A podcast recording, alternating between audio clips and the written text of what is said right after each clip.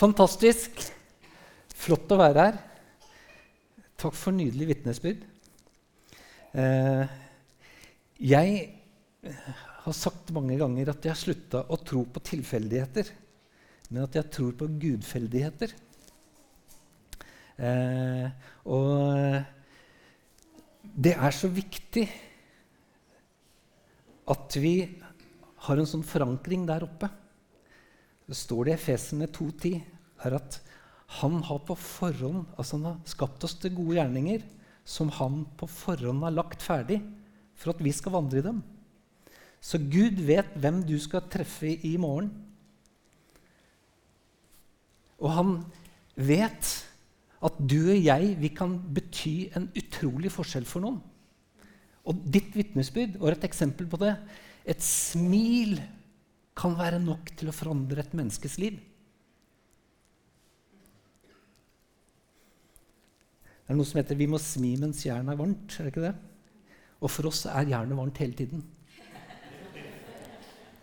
Det er det. Men vi har mange ganger gjort det så vanskelig. Vi, vi skal liksom, jeg vokste opp med du må evangelisere på naboen. Da trodde jeg at jeg måtte gå til naboen og banke på døra og så si en du må bli frelst. Men eh, det er ikke det det handler om i utgangspunktet. Selvfølgelig handler det om at vi skal bli frelst, men det handler om å være et vanlig, positivt, godt medmenneske å møte i hverdagen. Og så gjør det noe med hjertene til folk. Og så kan de bli mottagelige for å motta evangeliet etter hvert. Jesus hele livet. Det er det det dreier seg om. Eh, når jeg fikk det temaet her, så tenkte jeg hvordan i all verden skulle jeg klare oss å snakke om dette her og ha fått en halvtime? For det her kunne jeg snakka om på innpust og utpust i en hel uke. Så nå skulle jeg ønske vi var i Afrika, hvor det er greit å prate en hel dag. Eh, men jeg har trukket ut noen ting som jeg mener og tenker er viktig. Min bakgrunn er det at jeg har vært kristen hele livet. Jeg, I dag så har jeg, eh, jeg har familie. Jeg er gift med verdens beste kone, Susi. Vi har vært gift i 34 år. Vi har tre barn. Eldstemann er 32, 28 og 26 år gamle. Eh, jeg har erfart en del ting i livet. Eh, og funnet ut at jeg er ikke så perfekt som jeg trodde jeg var en stund. Eh, og jeg har alltid vært en del av en menighet. Og det er bakgrunnen for en del av det jeg skal si nå. Eh, skal vi se da om vi får den her til å virke. Må jeg slå den på, kanskje? Nei? Der kom den! Utrolig, vet du. For å si det sånn så har vi som mennesker en utfordring. Vi som menighet har en utfordring. Ikke bare én. Altså, vi har mange utfordringer. Eh, vi lever i en tid hvor det er ganske tøft å leve. Og for at man skal kunne gjøre noe med utfordringer, så må man først ha noen erkjennelser. Ellers så blir det bare prat. Jeg har en kamerat som starta en organisasjon i, i, USA som han kalte for 'Talk is cheap'. Altså, Å snakke det er billig, det er ikke verdt noen ting hvis du ikke gjør noe med det. Vi kan prate om alt mulig, men det betyr ingenting hvis det ikke skjer noe. Tre erkjennelser som jeg tenker at vi må komme til. Punkt én det er utfordrende å leve. Kom til meg, den som er 50 år, og si at man ikke har opplevd at livet er utfordrende å leve. Du skal ikke være veldig gammel før at du merker at livet er en utfordring. Allerede i barnehagen så er det mange som opplever det. Kan vi erkjenne det? Nummer to det er utfordrende å være gift. Kom til meg, den som har vært gift mer enn tre uker, og fortell at livet er en dans på roser. Vi fikk et, eh, et vitnesbyrd på det her, et ekteskap som hadde ryket. Det er synd er at når det man sliter i ekteskapet, så trekker man seg vekk fra menigheten. Tenk folkens, Den dagen er at når man får problemer i ekteskapet, så kommer man til menigheten, for der får man hjelp. Siste utfordring det er utfordrende å oppdra barn. Kom til meg, den som har hatt barn mer enn fire uker. Jeg hadde et vennepar.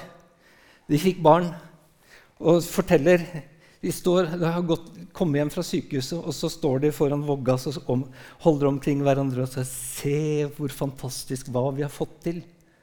Og så går det ei uke, så står de 'Hva er det vi har gjort?' Det er utfordrende å oppdra barn. Hva gjør vi med de erkjennelsene her? La oss hjelpe hverandre. Gud har satt dere her for at de skal hjelpe hverandre. Ikke dømme hverandre, men hjelpe hverandre. I Afrika har man et uttrykk det tar en hel landsby for å oppdra et barn. Jeg har gjort om. Det tar en hel menighet å oppdra et barn. Folkens, vi trenger å hjelpe hverandre. Fra den yngste til den eldste så trenger vi å hjelpe hverandre. Og du som sitter her og er 80 år, tenker at ja, det her gjelder alle andre. Mm -mm, gjelder deg også. Alle trenger vi å ta et tak for å redde neste generasjon. Hva er din rolle? Jeg skal fortelle om gamle tante Ruth. Mamma hadde to tanter som alltid satt på nest bakerste rad i Philadelphia-menigheten på Hamar, der jeg vokste opp. Vi var de prektige, så vi satt alltid på rad nummer to. Pappa var eldstebroder og, og ditt og datten, og da skulle man ikke sitte for langt bak. Da skulle man sitte langt fram. Jeg har vært med på møter fra før fra jeg var et foster. Jeg gikk ni måneder på møter før jeg kom ut. Og etter det så har jeg vært på møter. To møter på søndag pluss søndagsskole. Og jeg har vært på tirsdagsmøte og torsdagsmøte. Det var min oppvekst. Jeg har vært på forferdelig mye kjedelige møter. Og rekke opp hånda den som ikke har opplevd kjedelige møter. En av de som redda meg Og her, folkens, her er det noe til deg over en viss alder. Et lite tips. Gamle tante Ruth redda meg lite grann. Fordi nemlig at når det har gått en stund ute i møtet du vet at jeg, var, jeg fortalte det at pappa var eldstebror. Det vil si at vi barna måtte jo oppføre oss deretter. ikke sant? Og jeg var en gutt med masse lopper i blodet. Og da skulle sitte to timer og ikke få lov til å bevege seg. Det var tøft, det. Men sikkert en god lærdom. Men det var tøft. Men så visste jeg at det sånn der, et stykke ut i Prekena så fikk jeg lov til å snike meg sakte og sikkert ned til gamle tante Ruth. Og vet du hvorfor det var så godt å komme dit? Jo, for i veska si hadde tante Ruth noe. Er det noen av dere som kjenner igjen den? Vi kalte den for muslort. Det er noe sånn, altså, det var ikke godt engang! Det var så sterkt. Det var sånn derre salmiakk, lakris Sånn ordentlig sånn kruttgreier for god hals og åndedrett. Men vet du hva? for meg så var det, selv om ikke jeg syntes det var godt, så var det en fest å komme ned til tante Ruth. Og hun åpna veska si og spurte vil du ha en muselort, Svein Robert. Vet du hva? Det redda mange møter for meg. For jeg skjønte jo ikke noe av det andre som foregikk. Men tante Ruth redda livet mitt. Med muselort, kalte vi det her. Er det noen av dere som husker den? Ja, det er bra. Dagens tips. Du som har væske og er over en viss alder. Det er om å gjøre det som du sier, å skape noe som gir deg en godfølelse. Og der er Jeg har vært lærer.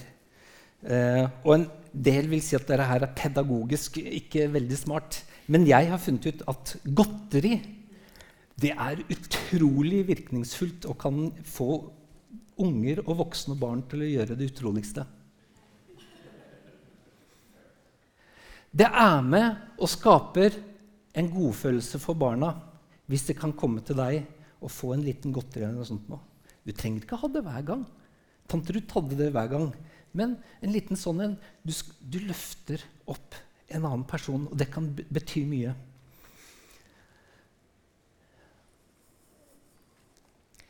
Dagens stalltips Jeg sa det tar en hel, hel uh, landsby eller en hel menighet til å oppdra et barn. En av de tingene som har vært utrolig god hjelp for min kone og meg, det er de menneskene som eier de beina der. For snart 30 år siden så startet vi gruppe. Fem ektepar som bestemte oss for er at det er her, livet her. Vi vil være kristne hele livet. Vi vil være gift hele livet, og vi kommer til å få barn. Vi trenger å hjelpe hverandre. Så i snart 30 år så har vi møttes hverandre sånn ca. hver 14. dag, hvor vi har ekteskap og familieliv som tema. Mine barn opplevde å ha flere reserveforeldre. Og den gruppa var med når det gjaldt, gjaldt eh, ekteskapet. Så hjalp hun oss, og spesielt min kone i begynnelsen, til å se at gresset var ikke grønnere på andre siden. Fordi at det, det går jo litt sånn følelsesmessig i et ekteskap. Og når vi var der nede, og vi kom på møtene, f.eks., så så kona mi alle de andre her som så så lykkelige ut i sitt ekteskap. Så følte hun at vi får det ikke til. Så begynte vi den gruppa der, og så fant vi ut at alle har det sånn Gresset er ikke grønnere på andre sida. Alle har det sånn. Det er bare litt til forskjellige tider. Og så bestemte vi oss for la oss hjelpe hverandre. La oss snakke ærlig om livet og si at nå er det vanskelig. Og i barneoppdragelsen skal vi si nå er det bare kaos hjemme hos oss. Hvordan ville dere gjort dette her? Så vi hjelpa hverandre. Det er dagens tips til egentlig alle, samme hvilken alder du er. Finn noen å leve litt tettere på i livet og bestem dere for å leve livet. Og spesielt dere som er unge og har barn. Få dere noen sånne grupper. I dag så kaller vi oss for evig unge hjem. For vi, har, vi er jo ikke unge lenger. Vi var det for 30 år siden. Men vi har fortsatt god nytte av hverandre. Og den gruppa der kommer vi til å henge med eh, livet ut. Kona mi og jeg vi er så heldige at vi er de eldste gruppa. Sånn at eh, den, den som er yngst der, er ti år yngre enn oss. Så vi har en mulighet for at vi sier til henne at du må ta hånd om oss når vi blir veldig gamle. Menighet er å gjøre ting sammen. Vi må, vi må jobbe sammen, folkens. Salme 123 sier barn er en gave fra Herren. Og det er det. Det er en velsignelse. En god kamerat av meg han sa en gang jeg tror at oppgaven vår som foreldre det er å prøve å ødelegge dem minst mulig før de blir 20 år og selvstendige. Og han har rett på mange punkter i det. Og hva gjør vi da for å ikke ødelegge barna våre, men at vi kan bygge dem opp til å bli Den gangen som jeg var lærer for 20 eh, år siden og 30 år siden, så sto det i skoleloven at vi skulle gjøre elevene til gangs menneske i heim og samfunn. Og hva betyr det? Hva betydde det da, og hva betydde det nå? Og det, I dag så sjekka jeg opp, nå, for nå er det over 20 år siden jeg var i skoleverket, og jeg sjekka opp eh, på en måte den der formålsparagrafen nå. Den var mange setninger og mange ord. Det er stor forskjell på livet den gangen og livet nå. Mye, mye mer utfordrende. Vi må hjelpe hverandre. Hva er ditt mål for barna? Du som har foreldre, hva er målet ditt? Dere som menighet, hva er målet vårt med barna? Ja, Vi syns det er flott å ha barna blant oss, gjør vi ikke det? Ja, Men tar vi dem på alvor? Jeg jobba 17 år i Philadelphia Hamar, hvor jeg hadde ansvar for barn. Hver eneste uke måtte jeg si setningen her. Ja, men hva med barna? For vi voksne, vi planlegger og planlegger og tenker veldig sjelden på hva med barna. Ja, men vi sier, vi, De andre sier ja, men vi tenker på barna. Nei, det gjør dere ikke. Ungene her kommer inn. Hvordan opplever de å komme inn hit? Tenk dere nøye om. Hvordan opplever du å komme inn her? Hva er det som betyr noe for deg? Hva er det som gir deg godfølelsen å komme inn her? Så prøver du å sette deg ned en treåring, en fireåring, en sjuåring, en tiåring eller en trettenåring. Hvordan opplever de å komme inn her? Er det godfølelse, eller er det her er det kjedelig å være? Hva gjør vi med det? Hva er ditt mål for barna? Er det at de skal fullføre løpet og stå foran Herrens trone en dag, eller hva er det for noe? Og jeg blir litt alvorlig når jeg sier dette her. For at det, det nemlig kreves en ganske tøff og hard jobb. Både som foreldre, men også vi som fellesskap. Å kunne slå oss på brystet og si at vi gjorde det så godt vi kunne. Jeg har noen myter om det er sant eller usant. Jeg opplever til min store sjokk en del forskjellige ting. Og enda jeg har lærerutdannelse og hele pakka, jeg skulle jo vært en superpappa og har skjønt det meste. Men jeg fant ut i løpet av livet og oppdragelsen av mine egne barn er at det er mye jeg ikke har skjønt. Og en av de tingene som sjokkerte meg Myte én. Jeg trodde at barna får alle de kristne verdiene inn med morsmelken. Jeg valgte også å bruke det uttrykket der. Jeg trodde bare de ble født inn i en kristen familie, og vi var snille og gode, og sånt nå, så fikk de alle de gode verdiene. Og så kommer barna mine opp i sånn fjerde, femte og sjette klasse og på ungdomsskolen. Og så kommer de hjem med mange forskjellige påstander som bare krasjer totalt med det kristne verdisynet. Og liksom Var det noe gærent med morsmelken? Burde vi hatt en annen erstatning istedenfor den vanlige morsmelken? Hva skjedde? Og da skjønner jeg er at uh, ungene mine vokste opp i en annen tid enn det jeg sjøl gjorde. Og hvordan skal de få de kristne verdiene? Det her må vi snakke om.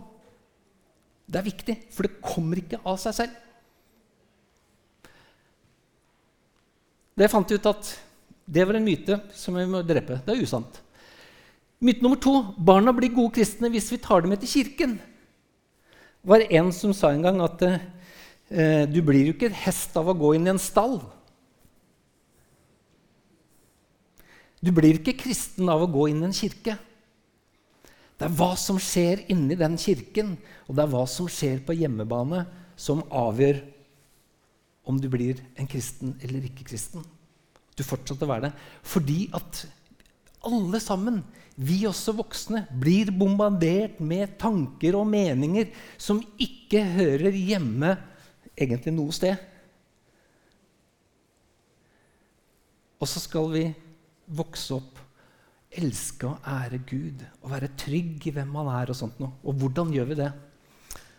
Så den, Det er viktig å ta med barna til kirken. Dere må ikke misforstå meg, for jeg er for det. At det skal man gjøre av sedvane. Det er viktig å gjøre det, men det er viktig hva vi fyller kirketida med. Barna finner gode venner selv.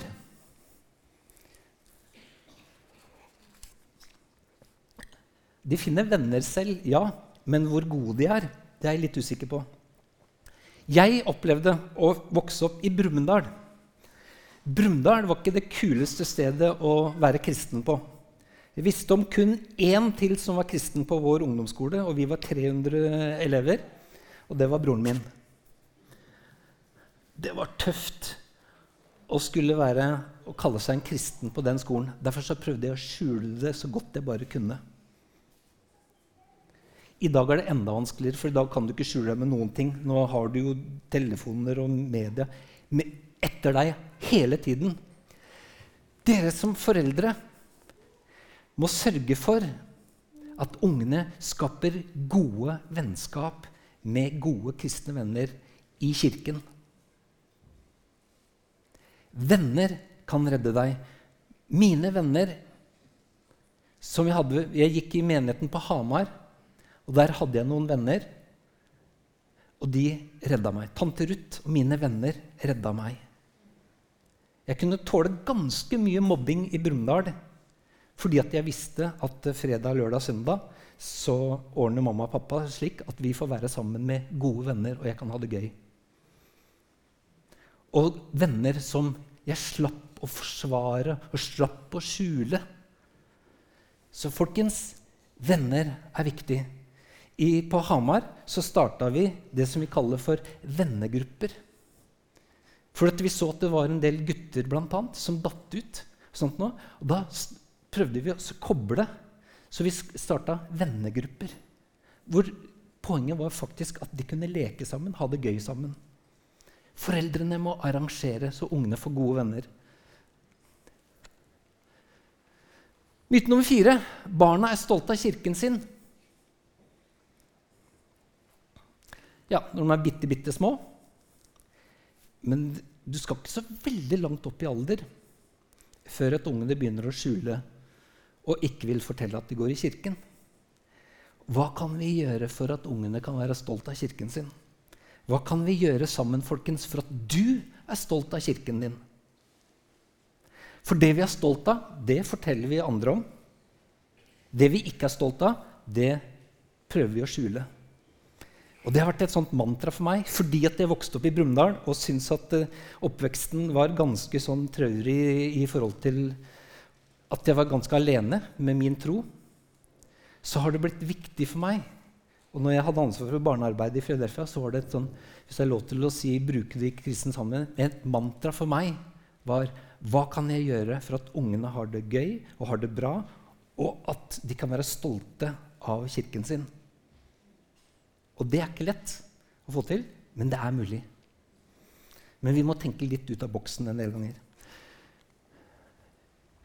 Jeg setter et spørsmål på den der, der fordi det, det, er noen som, som, er stolt av kirken sin. Og det er veldig bra. Men du kan tenke med deg selv er du stolt av kirken din. Og hvis du ikke er det, hva skal til for at du stolt, blir stolt av kirken din? Det her må dere snakke om.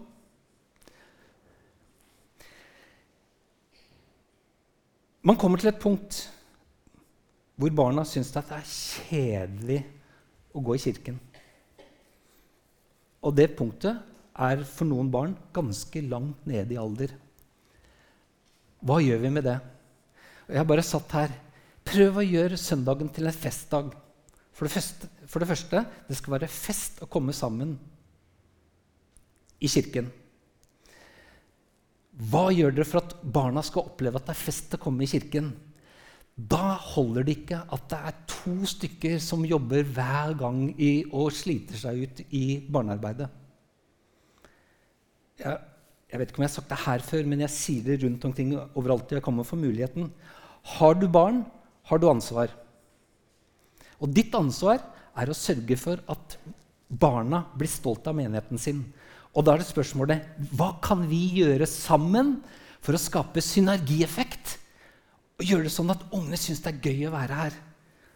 Og så sier du kanskje sitter der og erfarer og sier sånn, ja, men jeg er ikke noe flink til å liksom, eh, undervise og, og, synge og gjøre sånne kristne ting. Nei, men du kan være flink til å leke med ungene og sånt noe. Jeg tenker, Har du først fått barn, så slipper du ikke unna det ansvaret. Det skulle du ha tenkt på litt før. Nei, men, men skjønner dere alvoret i det her? Hva kan vi gjøre sammen? Og det gjelder, gjelder, oss alle sammen. Noen ganger så må vi gå litt utafor boksen for å skape og gjøre det søndagen til en festdag. Og så har jeg brukt den her A pluss B. Jeg tror at det er viktig. Mine barn de vokste opp med to foreldre som var i tjeneste. Vi var alltid en og en halv time før møtet Og vi var alltid én time, kanskje en og en halv time etter møtet. Vi var de første som kom, siste som gikk. Etter hvert så gikk det opp for meg er at uh, ungene mine trenger premie for å tåle det livet der. Så jeg måtte si til dem, jeg måtte dem takk for at dere er med. Hva kan vi gjøre for noe gøy i dag? Da ble ettermiddagen, resten av søndagen, utrolig viktig. Vi måtte prøve å gjøre søndagen til en festdag. Og Derfor så fant vi på Heldigvis hadde vi denne gjengen vår, og vi hadde mange andre familier også i menigheten. Så hver søndag så fant vi familier på noe sammen for å lage søndagen til en fest. Og da kunne vi si, når ungene syntes at jeg har ikke lyst til å være med til kirken ja, så sier de nei, du får ikke B hvis du ikke blir med på A. Skal du ha fest i dag, så må du bli med til Guds hus, for det er det vi gjør som familie. Men dere må sørge for at dere også tar med B. Vi må ha med sånne Skjønner dere poenget? Etter hvert som barna mine ble større, så er det en erkjennelse som vi i Unge hjem-gruppa vi snakka det seneste om nå. For vi, nå har vi fått voksne barn som jo vi kan snakke med og komme til med tilbakemelding, voksne tilbakemeldinger på sin oppvekst. Og vet du hva? En av de tingene som vi har funnet ut, alle sammen, og som vi skjønt var enige om, det var den myten her. Den stemmer ikke. Som foreldre, og du også som foreldre, så har du brukt mange tid og mye tid for å komme fram til de meninger og, og, og holdninger som du har. Så du tenker at 'nå kan jeg servere svarene'. Jeg har vært matematikklærer. Og i matematikk ja, For å si at det er forskjell på barn, tenåring, og ungdom og voksen.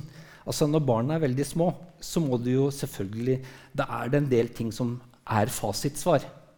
Du tar ikke på peisen med fingeren. liksom. Altså, det er en del ting du ikke gjør. Du løper ikke over gata når det kommer biler. Altså, det er en del sånne ting du ikke skal gjøre. Det er en del fasitsvar når du er, når du er liten. Men etter hvert så får barna vanskeligere og vanskeligere spørsmål oppi sitt hode.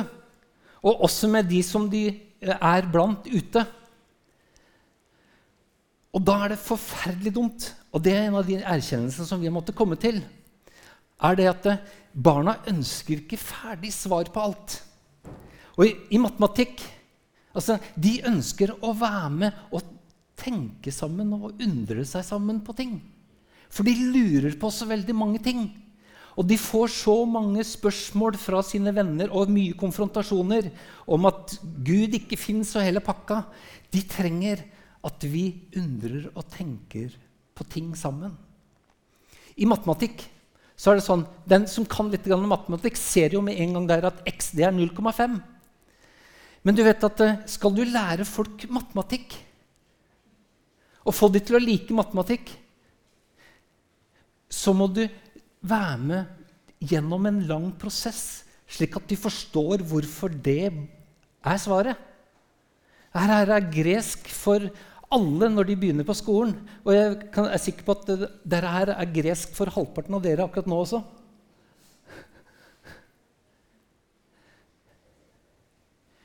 Jeg tror, altså I matematikk så var det veldig eh, Elevene hadde en tendens til ikke skjønte noen ting, så bladde de bakerst i boka, for der var fasiten.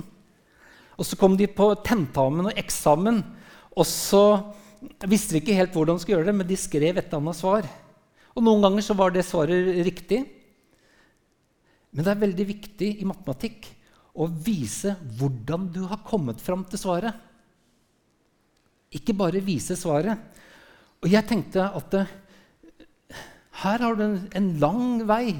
Og pluss at man skulle også her gjort for en helt nybegynner, så skulle du enda hatt enda flere ledd for å komme til svaret.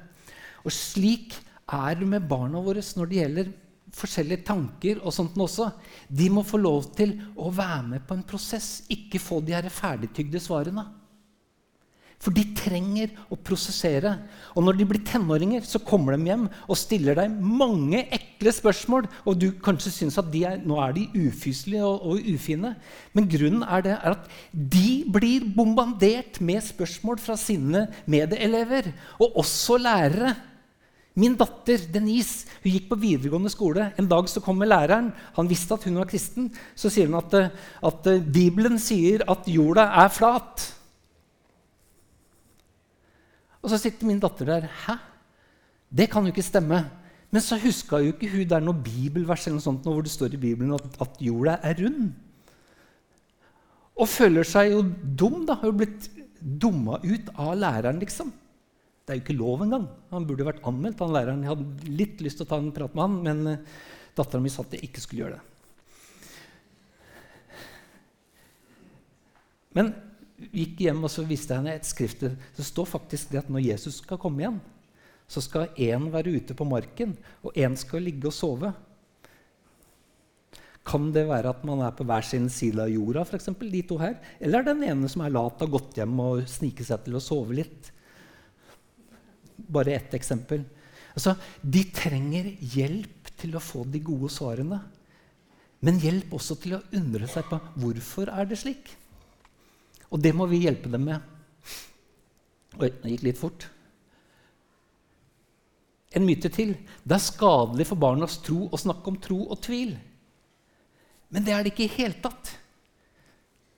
Det er viktig å snakke om det, for du og jeg går også med vår tro og tvil. Og de må få lov til å kjenne at de også er normale mennesker. Og du kan fortsatt være en god kristen selv om du går og tviler og lurer på en del ting. Vi må hjelpe hverandre. Én ting som er sikkert, er at vi som foreldre vi kommer til å gjøre mange feil. Og vi som menighet kommer også til å gjøre en del feil. Hvor barna og de som vokser opp, vil oppleve å føle seg urettferdig behandla og ha det vondt. Eh, Da er det noen ting som er viktig. begynner å gå inn for litt landing her nå. Det jeg har funnet ut,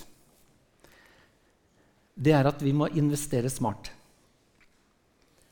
Og hva betyr det å investere smart?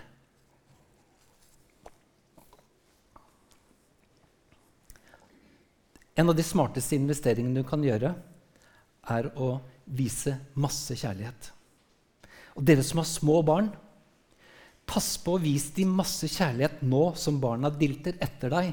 For det er ikke veldig lenge før at det er snudd at de flyr foran og du løper etter i full fart. Du må passe på å pøse på med ungene og vise dem at du er glad i dem.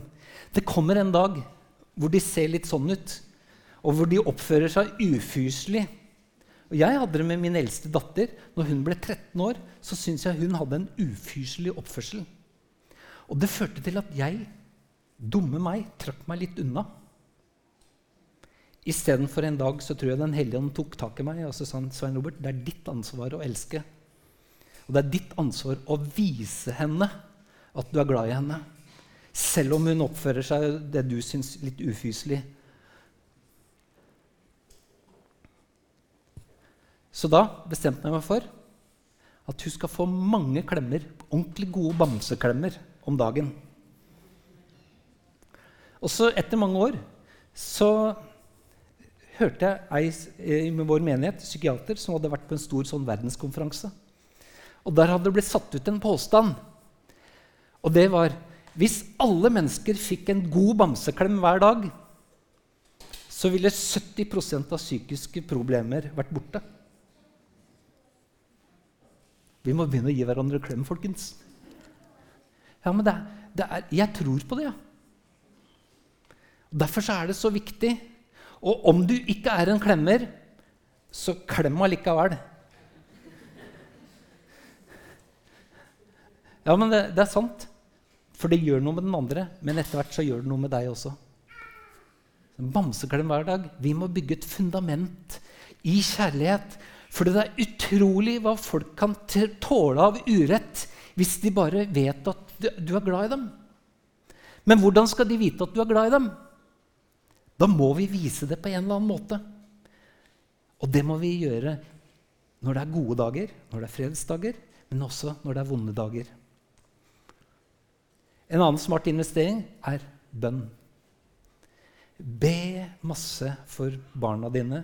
Dere som er voksne som ikke har eh, egne barn i menigheten, be for barna. Finn dere noen barn som dere bare ber for hver dag. De trenger det. Bønn er viktig. Og det å velsigne er viktig. Velsigne dem, spesielt når du blir eldre.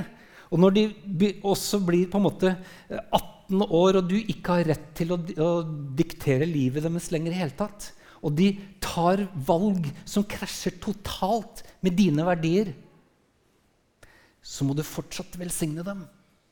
Og de må føle at du, du er glad i dem, at du, du aksepterer dem, og at du velsigner dem så trenger du ikke å si at 'jeg ber for deg hver dag at du skal bli et ordentlig godt menneske'. Det ville jo være total bom. Så den bønnekampen den tar du for deg sjøl. Ok?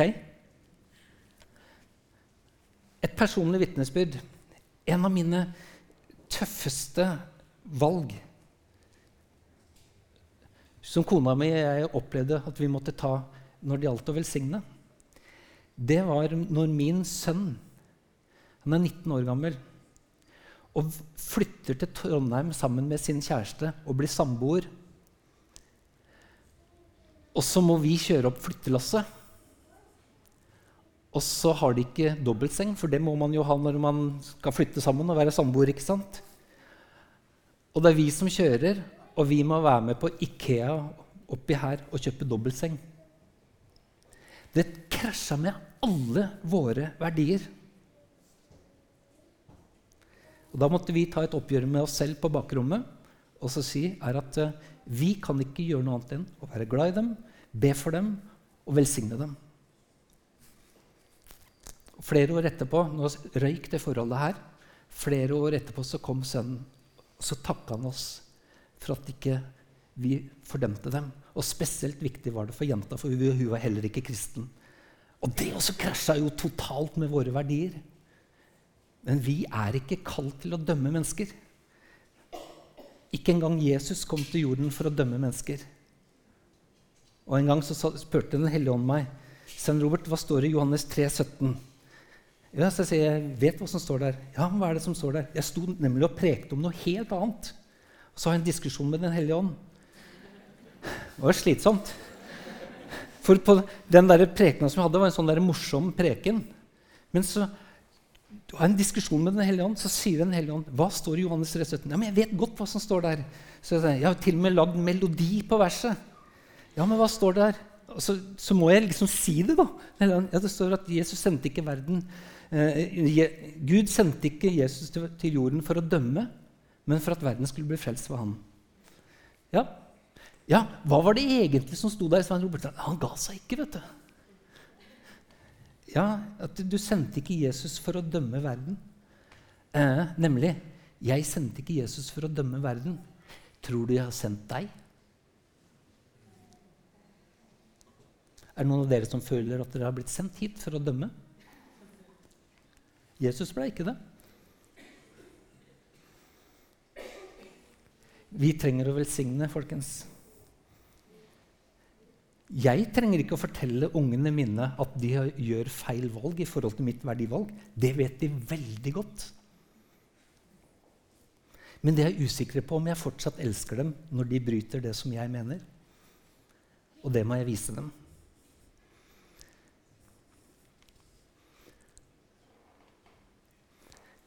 Avslutter bare kort med dette her. Jeg har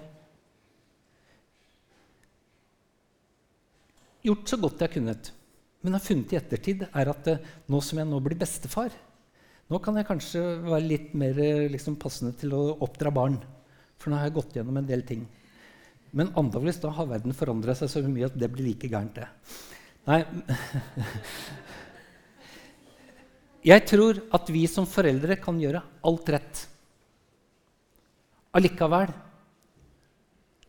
så trenger vi den historien om den bortkomne sønn og minne oss på den. Jeg tror at far i den fortellingen her, han hadde gjort alt riktig. Og så kommer sønnen og så sier 'Jeg vil ha arven min'. Og jeg tror det krasjer med alle verdier til far. Så tar han arven, og han drikker den bort og spiller den bort. Og han altså, gjør absolutt det verste han kan gjøre i forhold til sin fars tro og håp og meninger. Og så står det der Når han hadde brukt opp alt og var lengst nede i sitt liv, så står det så kom han til seg selv. Det punktet kommer alle mennesker til en eller annen dag. Og derfor så, Du som har barn som har valgt en annen vei, så lenge du viser dem at du er glad i dem, at du ber for dem og velsigner dem, så har vi en som heter Den hellige ånd, som følger etter de her, her barna våre. Og når de kommer i en av sånne Livet går imot, og livet er vanskelig, og det skjer for alle, så kommer det til et punkt hvor de kommer til seg selv. Og da er det store spørsmålet Hva var i mors- og fars huset da?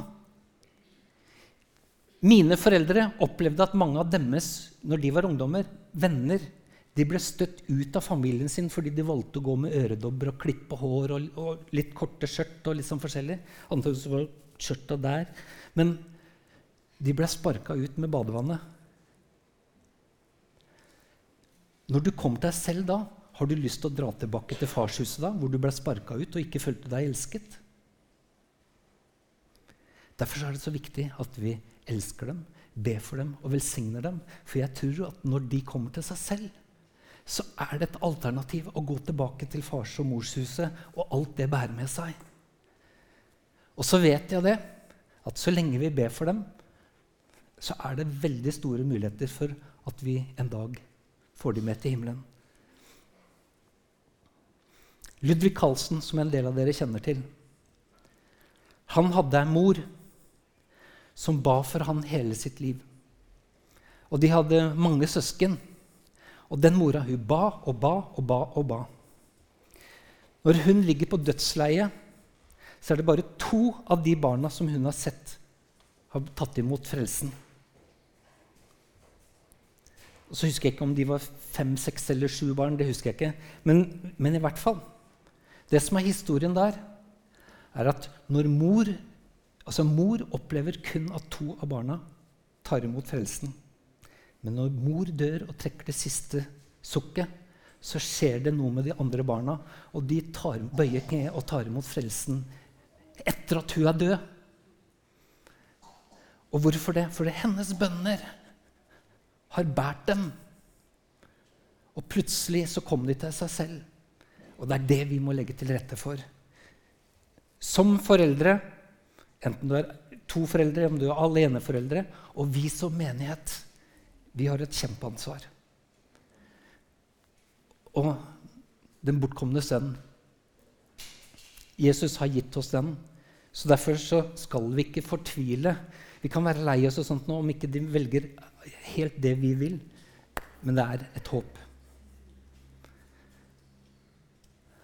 Ja, jeg kunne sagt så mye, mye mer, men jeg tror jeg det er ganske heavy, det her, er det ikke det? Jeg tror du har fått nok. ja, men du, Gud velsigner alle sammen. Kan vi be en bønn til slutt? Jeg tror vi trenger det, gjør vi ikke det? Far i himmelen, vi trenger deg. Takk for at du er her med din kjærlighet.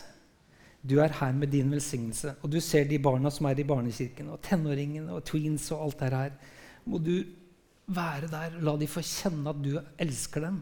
Helligånd, må du bare etterjage dem med din kjærlighet og omsorg. Og så må du hjelpe oss som er foreldre, oss som er voksne, at vi tar det ansvaret. Og jeg ber for alle som er her inne, at du skal være med dem, og de skal ta, uh, kjenne at du er med dem i, i hverdagen. Du skal gjøre de smarte i forhold til hvordan de skal gripe an de forskjellige problemstillingene de kommer over.